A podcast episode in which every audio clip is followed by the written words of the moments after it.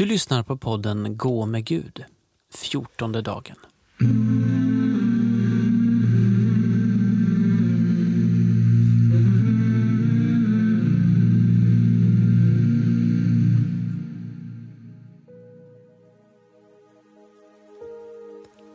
Podden är indelad i fyra teman.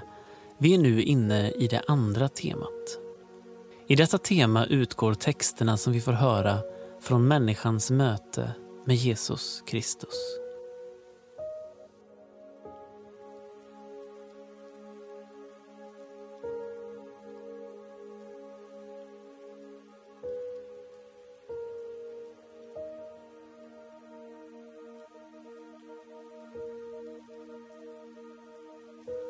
Låt oss be. Kom helige Ande, hjälpare, tröstare, vägvisare. Välsigna mig just nu och välsigna den här dagen. Det som ligger bakom mig och det som ligger framför mig. Välsigna de människor jag mött idag och det jag kommer att möta. Jag lägger allt i dina händer och vill göra allt till Guds större ära. Hjälp mig att höra din röst i Bibelns ord.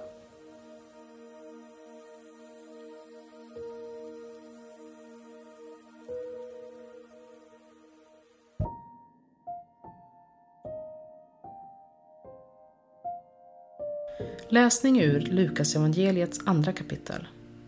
Hans föräldrar brukade varje år bege sig till Jerusalem vid påskhögtiden. Också när Jesus var 12 år gammal gick de upp dit som sedan var vid högtiden. Då festen var över och de skulle hem igen stannade pojken Jesus kvar i Jerusalem utan att föräldrarna visste om det. De gick en dagsled i tron om att han var med i ressällskapet och frågade sedan efter honom bland släktingar och bekanta. När de inte hittade honom vände de tillbaka till Jerusalem och letade efter honom där. Efter tre dagar fann de honom i templet, där han satt mitt bland lärarna och lyssnade och ställde frågor.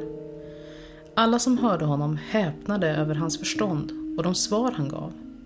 Föräldrarna blev bestörta när de såg honom och hans mor sa till honom Barn, hur kunde du göra så mot oss? Din far och jag har letat efter dig och varit mycket oroliga. Han svarade varför skulle ni leta efter mig? Visste ni inte att jag måste vara hos min fader? Men de förstod inte vad han menade med sina ord. Sedan följde han med dem ner till Nasaret och han lydde dem i allt. Hans mor bevarade allt detta i sitt hjärta och Jesus blev äldre och visare och vann Guds och människors välbehag.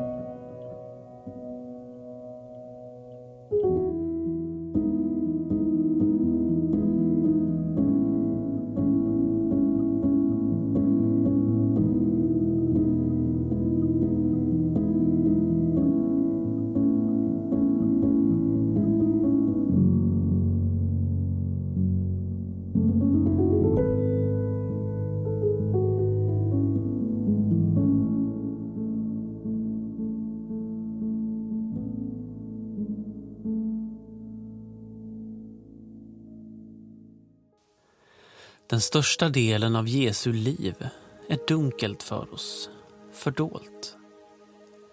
Vi vet inte vad han gjorde, men många har gissat på olika spektakulära alternativ.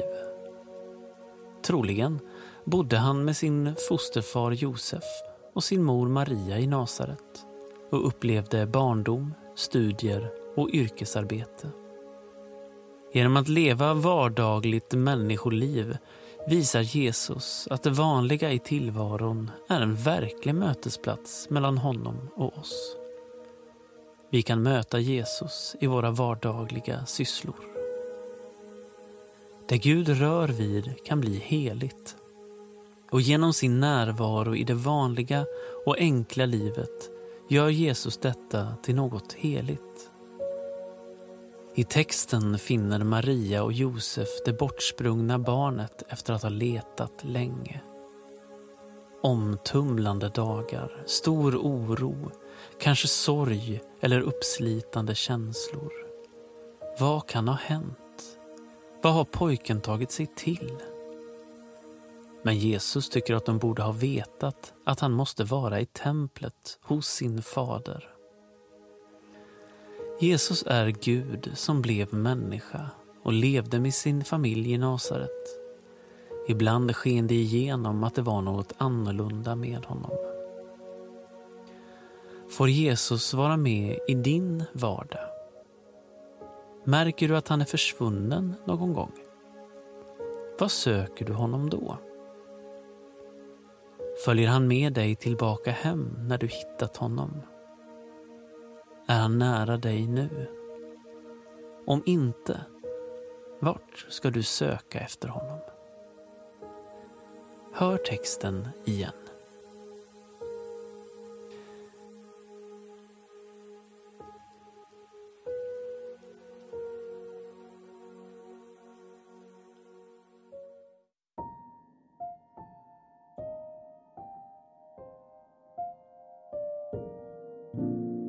Hans föräldrar brukade varje år bege sig till Jerusalem vid påskhögtiden.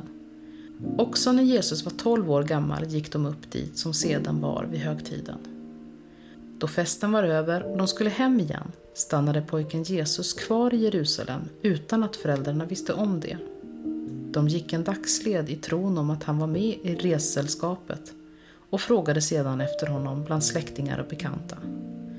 När de inte hittade honom vände de tillbaka till Jerusalem och letade efter honom där. Efter tre dagar fann de honom i templet, där han satt mitt bland lärarna och lyssnade och ställde frågor. Alla som hörde honom häpnade över hans förstånd och de svar han gav. Föräldrarna blev bestörta när de såg honom och hans mor sa till honom Barn, hur kunde du göra så mot oss? Din far och jag har letat efter dig och varit mycket oroliga. Han svarade varför skulle ni leta efter mig? Visste ni inte att jag måste vara hos min fader? Men de förstod inte vad han menade med sina ord. Sedan följde han med dem ner till Nasaret och han lydde dem i allt. Hans mor bevarade allt detta i sitt hjärta och Jesus blev äldre och visare och vann Guds och människors välbehag.